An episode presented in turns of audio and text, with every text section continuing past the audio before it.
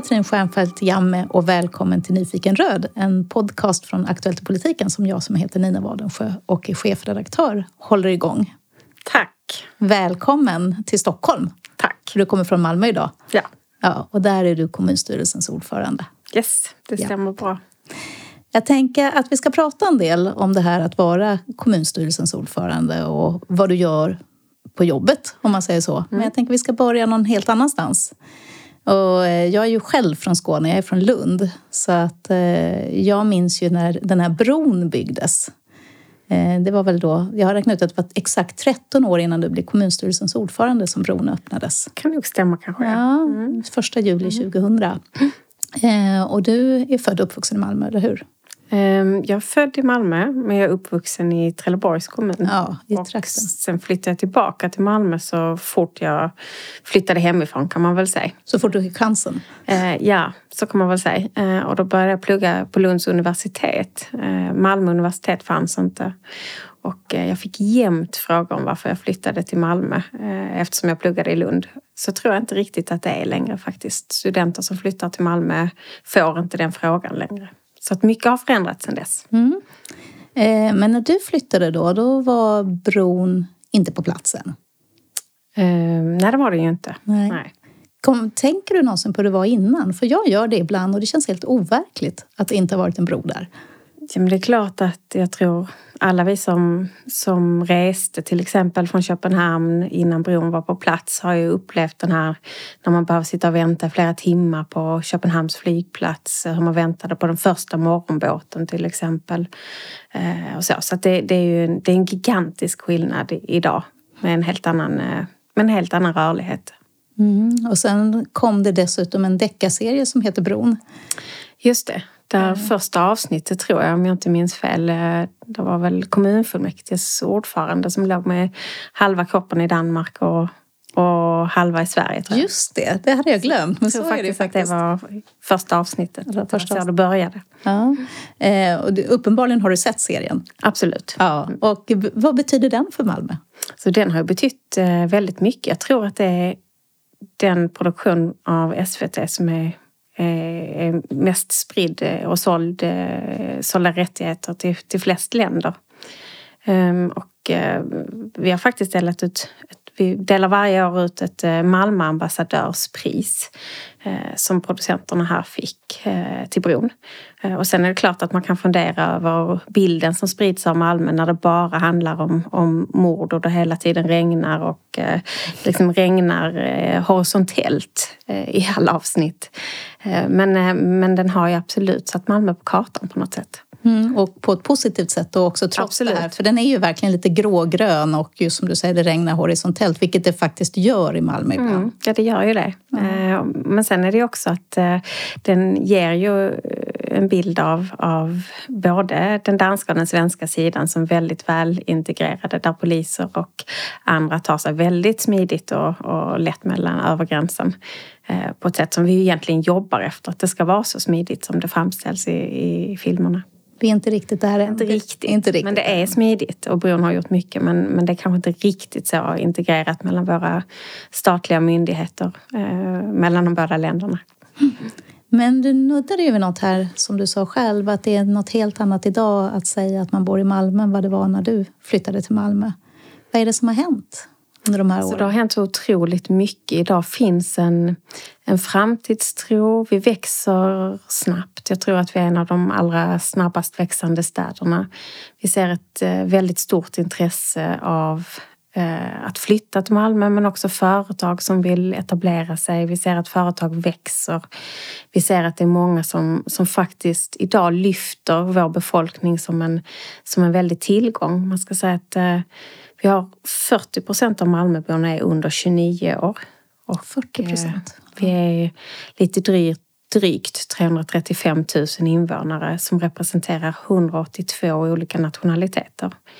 Och det innebär att det är, det är inte så många kvar innan vi har alla länder representerade som är erkända av, av FN. Um, och jag, jag upplever att det är fler och fler företag som faktiskt ser styrkan i att ha tillgång till en, till en global arbetskraft eller till anställda som har nätverk och kontakter över hela världen men också har ett, eh, ja, men tillgång till väldigt många olika språkkompetenser. Eh, och att här är en förändring, det skapar en dynamik. Och sen har ju staden förändrats väldigt från att vara den där industristaden med, med varvet i centrum det minns ju jag. Jag hade ju min farmor och farfar i Malmö då när jag växte upp. Mm. Jag minns ju liksom Kockumskranarna var ju på något sätt det som präglade hela staden. Och det gjorde den ju när den monterades ner och sen skippades till, eh, till Korea. Då döptes den väl om och kallades eh, Crane of Tears. Eh, för att längst med vägen när man monterade ner den här och forslade bort den så stod gamla före detta Kockumsarbetare och, och grät. Eh, och att det var en väldigt viktig del av, av Malmös eh, själ och identitet, hela varvsindustrin. Och idag så har vi ett eh, flera hundra företag på egentligen samma område som anställer långt, långt, långt, långt fler än, än under man kan säga, varvsindustrins Kockums glansdagar. Så vi har en helt annan struktur på, på näringslivet mm. idag. Men om man då skulle säga att det verkligen var en en varvstad och en industristad en gång i tiden. För det var ju verkligen så det uppfattades mm. det syntes mm. verkligen i staden. Vad är det idag? För idag är, alltså Malmö har ju många olika bilder av sig. Vi har ju idag väldigt många små företag. Eh, långt, långt många fler än vad vi hade förr. Eh, med en mycket bredare sammansättning där vi har många branscher som har vuxit starkt. sen är det klart att Malmö universitet som det ju Mm, har blivit sedan årsskiftet, jag höll på att säga Malmö högskola, men det är Malmö universitet, har också gjort en väldigt stor skillnad. Dels för vilken typ av företag som växer fram men också till eh, hur befolkningssammansättningen ser ut och att vi idag är en så väldigt mycket yngre stad har det här, ni är ju lite kaxiga i Malmö kan man ju säga, tycker jag, när man ser utifrån. För ni har byggt kaxigt. Mm. Det är inte bara bron som är väldigt kaxig i sig, för den ser ju stor och synlig ut från hela stan nästan. Men det är ju annat ni har byggt med Turning Torso, Västra hamnen och så vidare. Har byggandet varit en viktig del av den här utvecklingen? Att bygga modernt? Um, hela idén och strategin bakom eh, bygget av Västra hamnen till exempel. Som jag menar är vid sidan av bron och universitetet en viktig strategisk del i Malmös utveckling eller omvandling. Eh, och där har vi haft politiskt väldigt höga ambitioner hela tiden och sagt att okej, okay, nu ska vi göra någonting nytt. Vi ska göra något som inte har gjorts någon annanstans. Och Västra hamnen påbörjades, eh, utbyggnaden av det stadsområdet var i samband med, med bomässan, Bo 01. Eh, och fortfarande idag har vi faktiskt studiebesök från hela världen som kommer hit och tittar på den eh, miljö och tekniklösningar som vi som vi har i området och hur vi har planerat och hur vi jobbar tillsammans med näringslivet och de privata aktörer som är med och exploaterar. Och sen har vi skruvat upp det kan man säga och utvecklat ett klimatkontrakt som vi har med oss som en, en plattform när vi har exploaterat andra områden i staden med, med väldigt höga politiska ambitioner vad gäller klimat och miljö och hållbarhet. Som jag menar är en viktig bärande del i att, att Malmö faktiskt har omvandlats på det sättet som, som vi har gjort. Ja, för Malmö är ju numera en stad där man kan bada mitt i stan. Absolut. Det var det ju och vi verkligen har, inte förr. Vi har ju haft en, en badstrand och så även tidigare men vi har väsentligt många fler badplatser idag eh, i och med Västra hamnen. Egentligen eh, lite slumpartat. Tanken var inte att man skulle bygga en massa badplatser i Västra hamnen men det har faktiskt blivit en av Malmös mest välbesökta områden där, där invånare från exakt hela, det, hela staden, alla delar, tar sig eh, för att träffas och mötas. Så det är en av våra mest välbesökta platser som kanske inte var planerade egentligen som en sån mötesplats men som har blivit det. Mm. Staden tar sina egna vägar. Lite så. Eh, och vi har vi har politiskt en, en uttalad väldigt tydlig ambition i Malmö att vi vill testa och vi vill gå före och inte bara göra det som alla andra har gjort.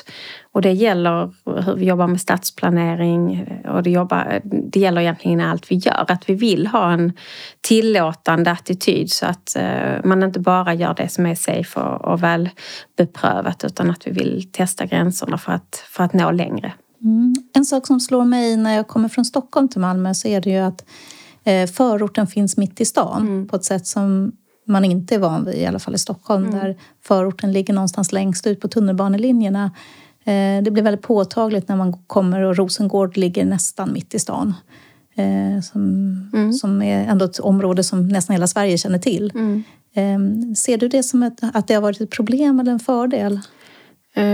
Jag skulle säga att det mest är en, en fördel för det innebär att Samtidigt som Malmö ofta lyfts fram som en, en segregerad stad så är det ändå så att eh, vi har områden där mm, den, den, klassiska förortsproblematiken är mitt i centrum och Malmö är en liten stad så att egentligen har vi en struktur som gör att alla möts. Eh, våra områden ligger så väldigt kloss ihop. Eh, och det innebär eh, att man faktiskt inte kan ducka för de problemen eller att eh, när det händer någonting så sker det någon annanstans. Utan det sker mitt i stan, mitt ibland oss alla eh, och är en angelägenhet för alla. Och det är faktiskt en av förklaringarna tror jag att mycket ljus har hamnat på Malmös förortsområde som då inte är förorter. Just för att det är så himla synligt för oss allihopa. Det är inte en fråga för någon annan eller för de som bor där utan det är en fråga för oss. Mm. Är det det som gör... Ni har gjort lite ovanliga saker när det gäller skolan. Eh, ni har ju kommit en bra bit på väg. Ni har, som jag minns det så hade ni väldigt dåliga skolresultat för ett antal år sedan eller ganska oroväckande skolresultat. Och ni har vänt väldigt mycket där. Men ni har gjort väldigt mycket aktivt. Har det varit möjligt just på grund av att det ligger så nära? Jag, eh, jag var under en period skolkommunalråd Eh, bestämde mig redan inledningsvis att vi, vi behöver ta fighten mot skolsegregationen på ett mycket mer offensivt sätt. Eh, någonstans kunde jag lite se att ja, men vi har den lagstiftningen som ger elever och föräldrar rätt att välja. Eh, och så är det att vi hade tänkt så. Men det förpliktigar för oss som stad att visa till att planera och bygga skolor eh, så att alla elever får tillgång till skolor i de kanske mest eftersökta områdena. Att vi planerar skolor så att elever från olika typer av områden faktiskt naturligt möts. Och idag har vi ett helt annat sätt att tänka för att medvetet skapa en minskad segregation eller att medvetet bryta segregationen. Och Kanske var det så att stadens litenhet och närhet gjorde att det var väldigt lätt för elever att söka sig från ett område. Eh, och på sikt då så såg vi kanske snabbare än andra att skolor dränerades på de resursstarka eleverna. Eh, och att, att vi kanske såg det lite tidigare än en del andra städer. Och ni agerade också? Ja, så, så är det ju. Får man syn på någonting och inser att här har vi ett skulle jag säga, ett skolsystem som i, i grunden leder mot skolsegregation. Eh, ett nationellt regelverk i, i grunden som ligger bakom det. Men vi måste ju som kommunala huvudman göra allt vad vi kan för att alla barn och unga som växer upp i Malmö ska få tillgång till lika bra skolor och faktiskt också få tillgång till, till valfriheten på lika villkor. Idag har vi ett system där, där de elever som växer upp i de kanske mer välmående områdena också har förtur till, till de skolor som är mest eftertraktade just eftersom de bor nära. Och det är med det resonemanget i botten som vi har sagt att nu planerar vi främst högstadieskolor i de alldeles centrala delarna av Malmö så att eh, högstadieeleverna tar sig in och träffas och går i samma skolor. Eh, jag tänker lite, nu sitter vi här. Det är, när vi spelar in det här nu så är det ju mindre än tre månader kvar till valet. Mm. Eh, vad tror du blir den stora valfrågan? Eller vad blir den stora valfrågan i Malmö? Um, det, det, finns ju det är väldigt många frågor som är väldigt aktuella för Malmöborna. Men jag, eh, jag känner att frågan om skolan är otroligt viktig för många. Att eh, satsningar på både bostadsbyggandet och att bygga ut välfärden och fortsätta investera och satsa i välfärden, det är de frågor som är viktigast för mig. Eh, att se till att fler Malmöbor blir självförsörjande. Vi har historiskt haft och har en hög arbetslöshet även om utvecklingen har blivit eh, väsentligt mycket bättre de senaste åren. Eh, och vi ser en positiv utveckling fast staden växer med, med flera tusen nya invånare varje år så ser vi att antalet som behöver försörjningsstöd för att klara vardagen har, har minskat med flera hundra nu om vi tittar de senaste åren. Och det är en positiv utveckling som vi behöver göra allt vad vi kan för att hålla i. I grunden så, så säger jag att eh, det finns nästan ingen större skillnad i livsförutsättningar för den som har ett jobb och en egen försörjning och den som står utanför. Så att den, eh, det, är ett, eh, det är ett väldigt stort fokus och i det ligger också en kraftsamling kring skolan.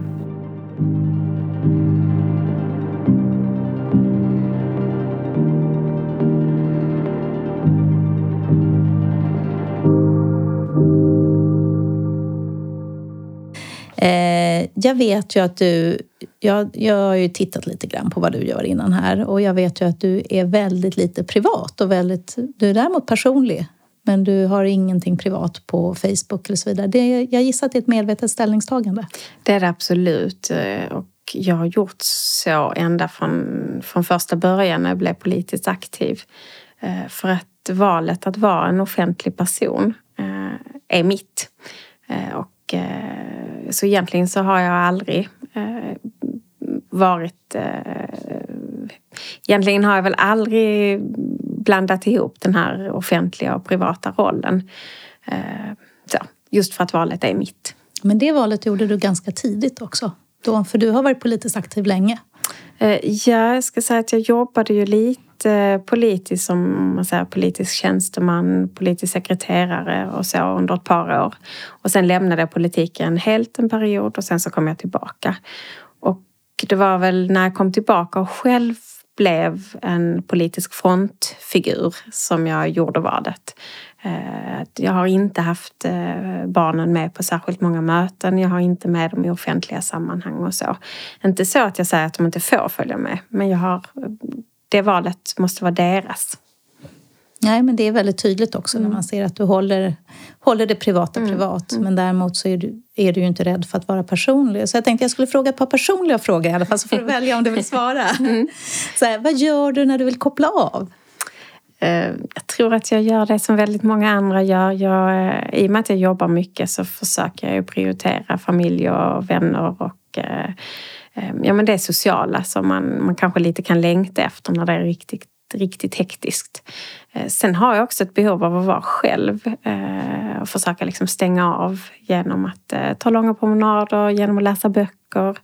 Och sen har jag två eh, hyggligt aktiva barn som jag också har eh, engagerat mig i deras fritidsintressen. Så att mycket mer tid än så blir det inte.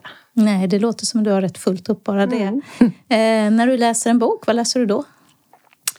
Ehm, ett lite tråkigt svar, men jag läser lite allting. Eh, en av mina favoritförfattare, om jag ska exemplifiera med någon, är Maj-Gull Axelsson till exempel. Har jag läst sen, eh, jag vet inte hur många år. Jag tror att den, den första boken av henne, om, om jag nu minns rätt, så hette den Och de som inte har, tror jag.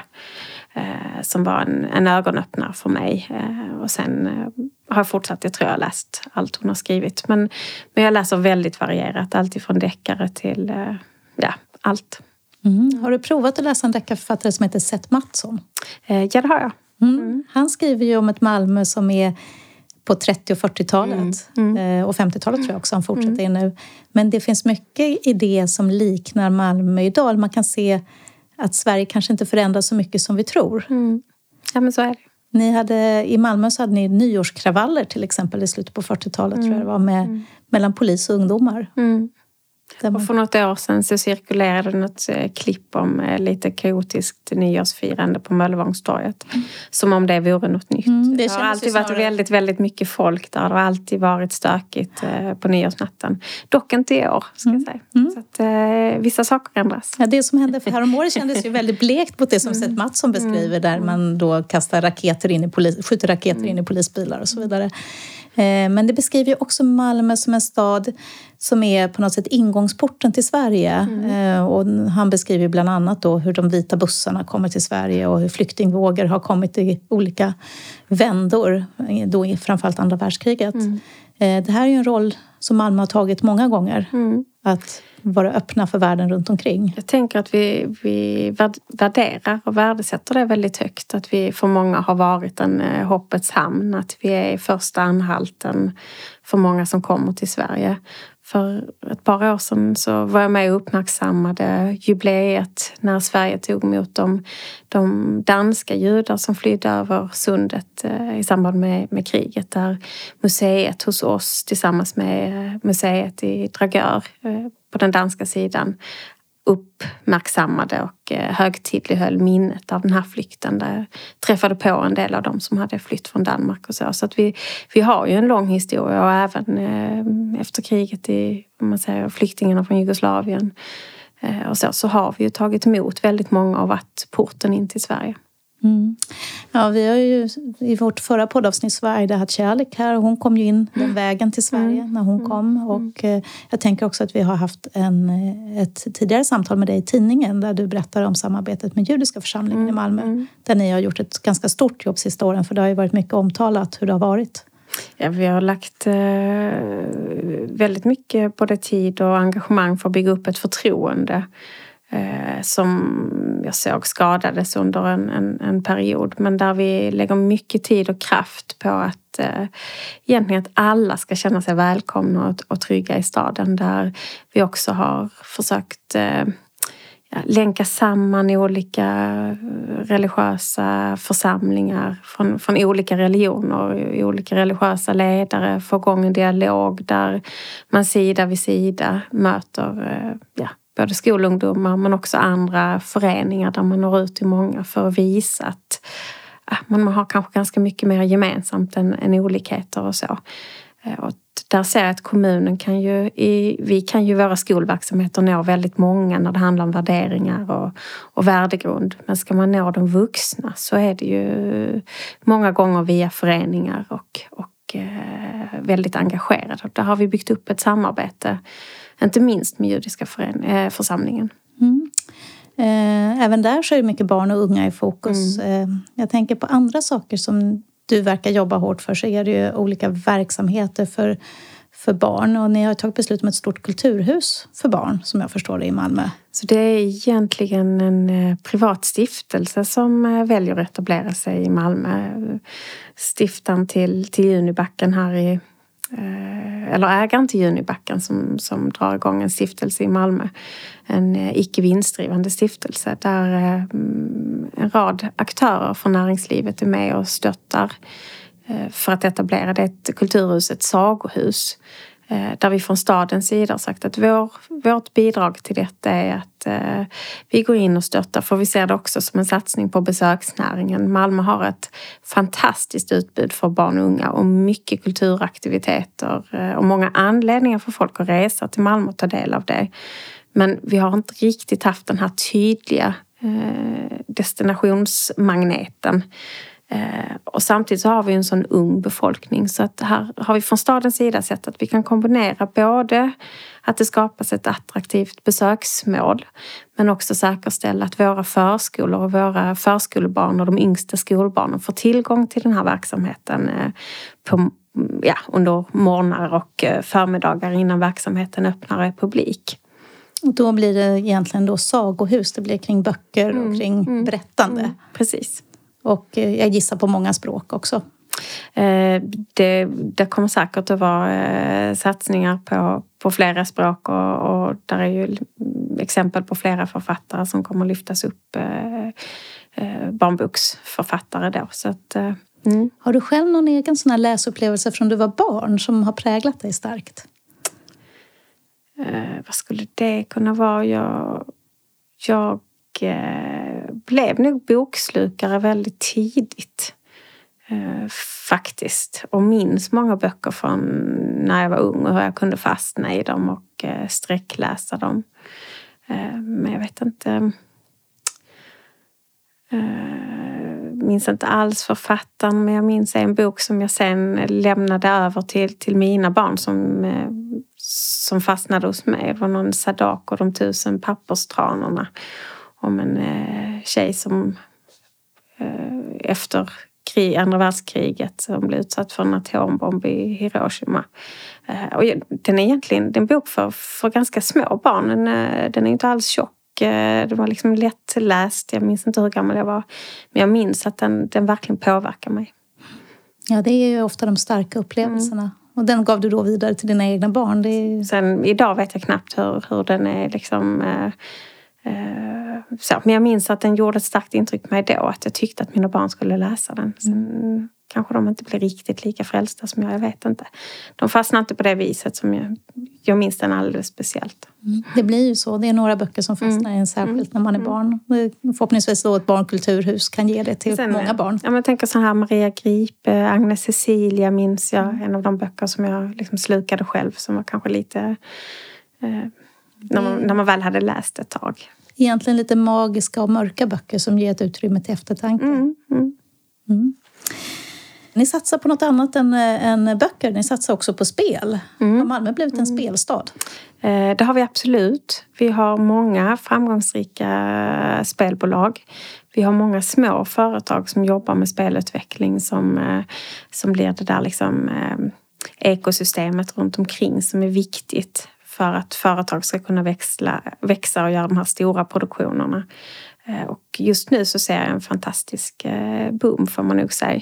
Dels har vi ju Massive Entertainment som, som verkligen är på de riktigt, riktigt stora produktionerna som växer eh, och flyttar till nytt och, och väljer att flytta till nya stora lokaler vid Möllevångstorget. Mitt i centrum väljer att vara kvar och expandera. Och har väl i och för sig nästan hunnit bli trångbodda innan de flyttar in i sina stora nya lokaler. Och sen i, i veckan så tog vi också ett beslut som, som möjliggör för eh, ja, man säger, den samlade spelnäringen att flytta ihop i ett stort eh, gemensamt hus. Som också lockar spelbolag och spelutvecklare från, från övriga Sverige till Malmö. Så numera flyttar folk till Malmö för att det är där det händer? Det är ganska tydligt att vi ser det inom ett par branscher. Både inom spelutveckling men vi ser det också inom andra delar av, av eh, startup-världen till exempel. Att vi, eh, vi har kommit upp i en nivå där, där staden är, är attraktiv för att testa och utveckla nya idéer. I ditt jobb som du har till vardags så är du faktiskt också ledare för en väldig massa människor. Hur känns det och vad, hur ser du på den rollen? Jag tänker att eh, ledarskapet ger ju en möjlighet till eh, att eh, driva på förändring. Malmö stad som organisation har 26 000 anställda. Mitt uppdrag är väldigt mycket att se till att vi går åt samma håll och att alla verksamheter är med och bidrar till, till Malmös utveckling förutom att man gör skillnad för Malmöborna varje dag. Eh, men, men ledarskapet som ordförande i kommunstyrelsen handlar också väldigt mycket om att ta vara på, på den kraft och det engagemang som finns utanför stadens egna organisation.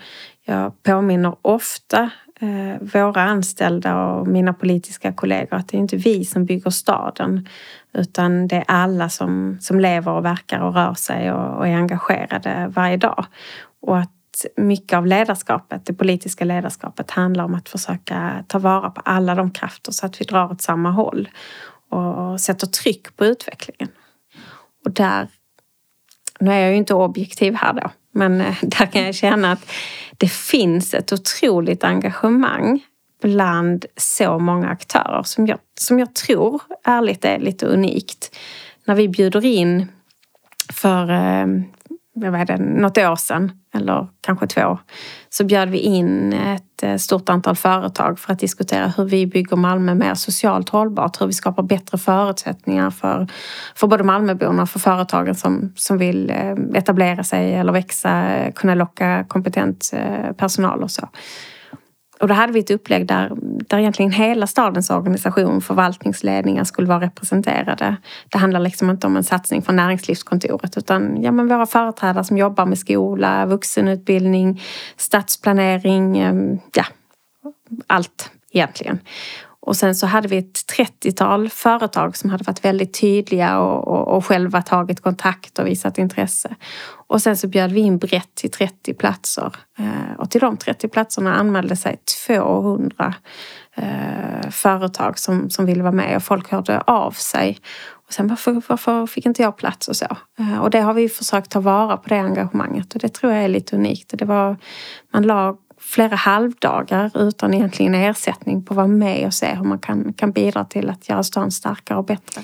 Men kan det då, eh, nu tänker jag fritt här, kan det vara så att det beror på att också Malmöbilden har varit ganska svart ibland? Om man tittar i riksmedia, det var ganska negativt och det har varit ganska mörkt och det har känts som att det är ganska svårt att vara Malmöbo och att få Malmö att utvecklas. Och sen så nu när det händer så händer allt på en enda gång och man vill vara med och bidra.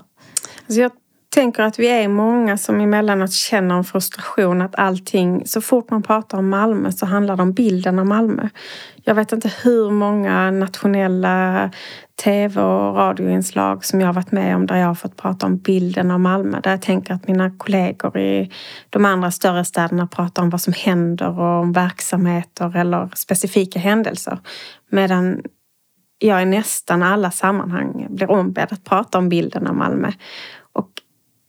Jag känner att många aktörer är lite trötta på det. Eh, eh, för ingen stad är ensidig. Det finns massor med bilder av Malmö som eh, är sanna på olika sätt. Och det viktiga för mig som ordförande, jag är politiskt aktiv för att jag vill förändra. Jag, jag, verkligen, jag verkligen älskar Malmö.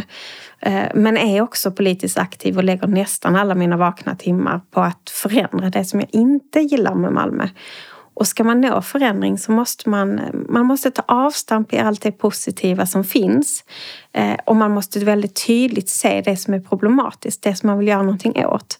Men man måste orka båda de delarna samtidigt. Och i debatten så tycker jag ofta att antingen så är det någon som hyllar Malmö eller så är det någon som tycker att allt är nattsvart och farligt. Eh, och så ser det naturligtvis inte ut. Nej, Malmö är väl mer än det ena eller det andra. Men och det är väl det jag gillar. Att, eh, alltså, det, finns, det, det, finns så mycket kraft, det händer så väldigt mycket och staden är så tydligt i rörelse hela, hela tiden. Eh, jag minns i, i förra valrörelsen så hade jag en journalist nere på besök som det var nästan en hel dag. Vi var runt på olika ställen i staden och så till slut så utbrister hon framför en byggkran. Eh, vi höll då på med bygget av Malmö Live. Så bara, men, men när blir ni klara?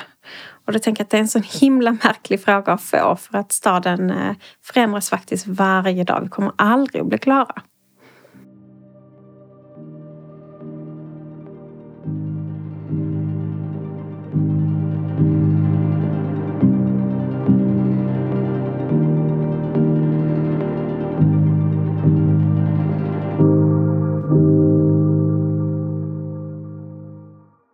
Jag tänker på, du, du berättade att du gillar Maj-Gull Axelsson mycket. Det är en mm. författare som är väldigt politisk på många sätt. Mm. Även om det är en väldigt läsvärd författare så finns det ett samhällsengagemang mm. som, är, som är djupt och som egentligen är en klassisk arbetarförfattare fast i en ny tid. Mm.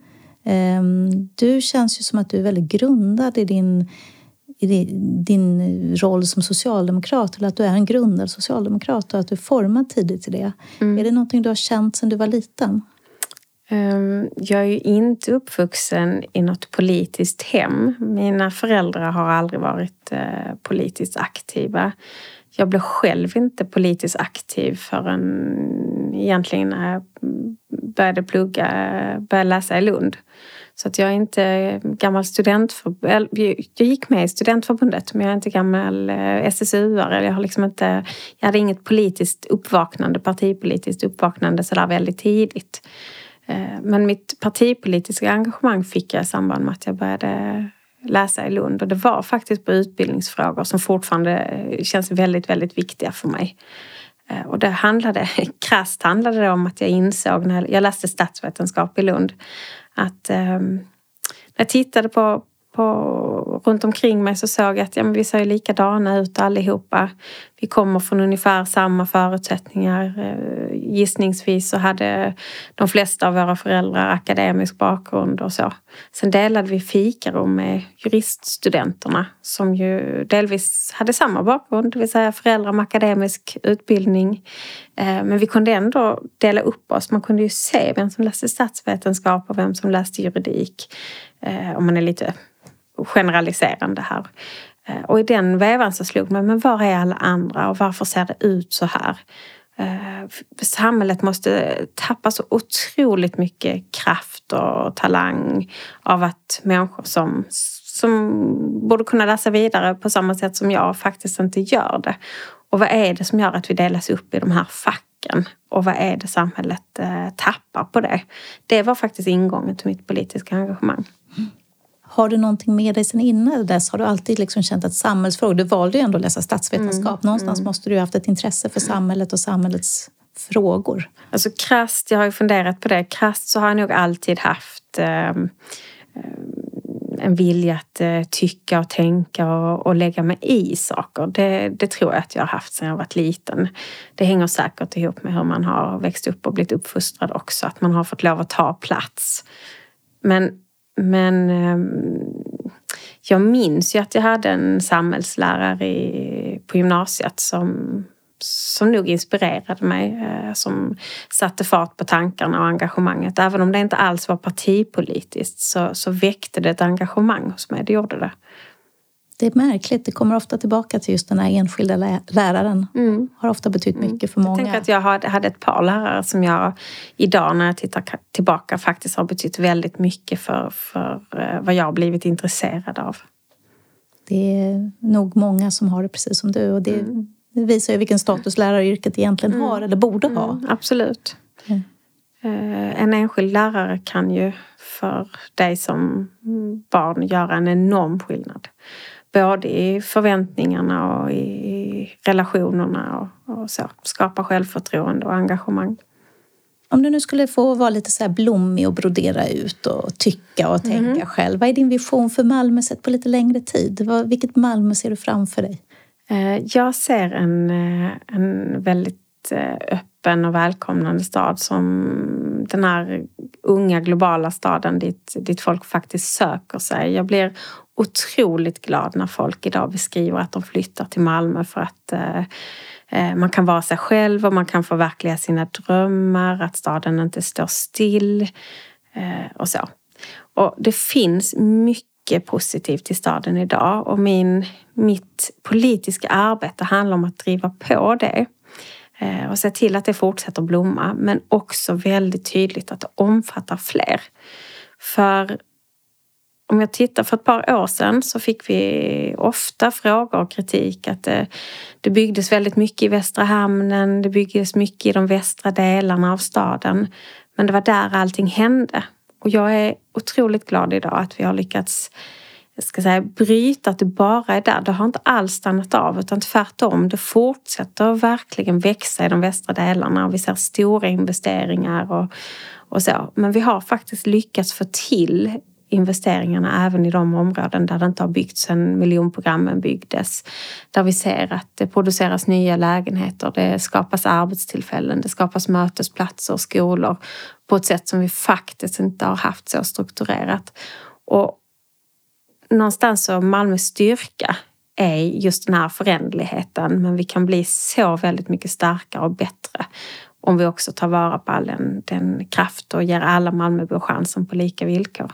Hänger ihop med resonemanget om man tittar på eh, varför, eh, varför vissa inte läser vidare och varför vi hamnar eh, lätt i fack. Och då är min vision att var du än bor i Malmö, vilka föräldrar du än har, så ska du ha en möjlighet att och, och leva ett bra liv och också ta del av hela Malmös framgång. Eh, någonting som många städer brottas med, kanske inte de allra största, det är ju det här att centrum urholkas och att väldigt mycket av kommersiell yta flyttas ut utanför stan. Mm. Eh, brottas ni med det? För ett par år sedan så fanns det ju en, en oro om vi tittade på handeln in i centrum till exempel.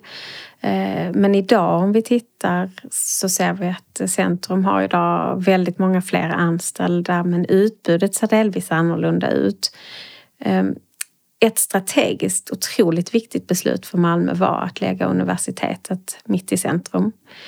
Det var ett eh, politiskt beslut där, där idén från början var att eh, man skulle skapa ett campus lite mer perifert. Men där vi från stadens sida gick in och sa att nej, men vi tar eh, den mellanskillnaden för att se till att universitetet hamnar alldeles i centrum. Och det har skapat väldigt gynnsamma förutsättningar för vår centrumutveckling. Att eh, vi har väldigt många människor som rör sig varje dag eh, kopplat till universitetet och, och utbildningssfären som skapar en, en, ja, men en dynamik och förutsättningar. Kommer Malmö att räcka till för alla de här människorna som ska flytta hit? Kommer det Alltså vi är ju en väldigt liten stad, geografiskt väldigt liten. Vi mm, har precis nu, vi eh, jobbar med en ny översiktsplan och har fortfarande ambitioner att växa inåt och förtäta. Eh, det handlar egentligen om att vi inte vill eh, växa på den allra, allra bästa åkermarken som, som finns i Europa som omgärdar Malmö. Och att vi ser att det finns ytor som vi kan fortsätta växa på. Eh, och vi kan växa ganska mycket till även om vi redan idag är en av Sveriges eh, tätaste, mest tättbefolkade eh, stad. Eh, så att, samtidigt så har vi ett område precis bakom centralstationen. Det är ju varje kommunstyrelseordförandes dröm skulle jag nog säga. Där vi inom radien av en kilometer från centralstationen kan bygga tror upp till ungefär 9000 bostäder och ja, ungefär 13 000 arbetsplatser. Eh, och det arbetet är precis bara påbörjat. Så det är ju, vi har ju förutsättningar att fortsätta växa, det har vi. Sen handlar det om att växa i en, i en rimlig takt. För ett par år sedan eh, i samband med det stora flyktingmottagandet då upplevde jag att eh, många Malmöbor faktiskt blev väldigt oroade hur ska vi klara växa på ett sätt så att vi, vi ger folk chansen? Inte att man inte ville att folk skulle komma till Malmö, men att vi har ju sett att i vissa områden har trångboddheten vuxit snabbt och då det har skapat en social problematik som har varit väldigt uppenbar för oss. Eh, och att det fanns en oro, hur ska vi klara detta?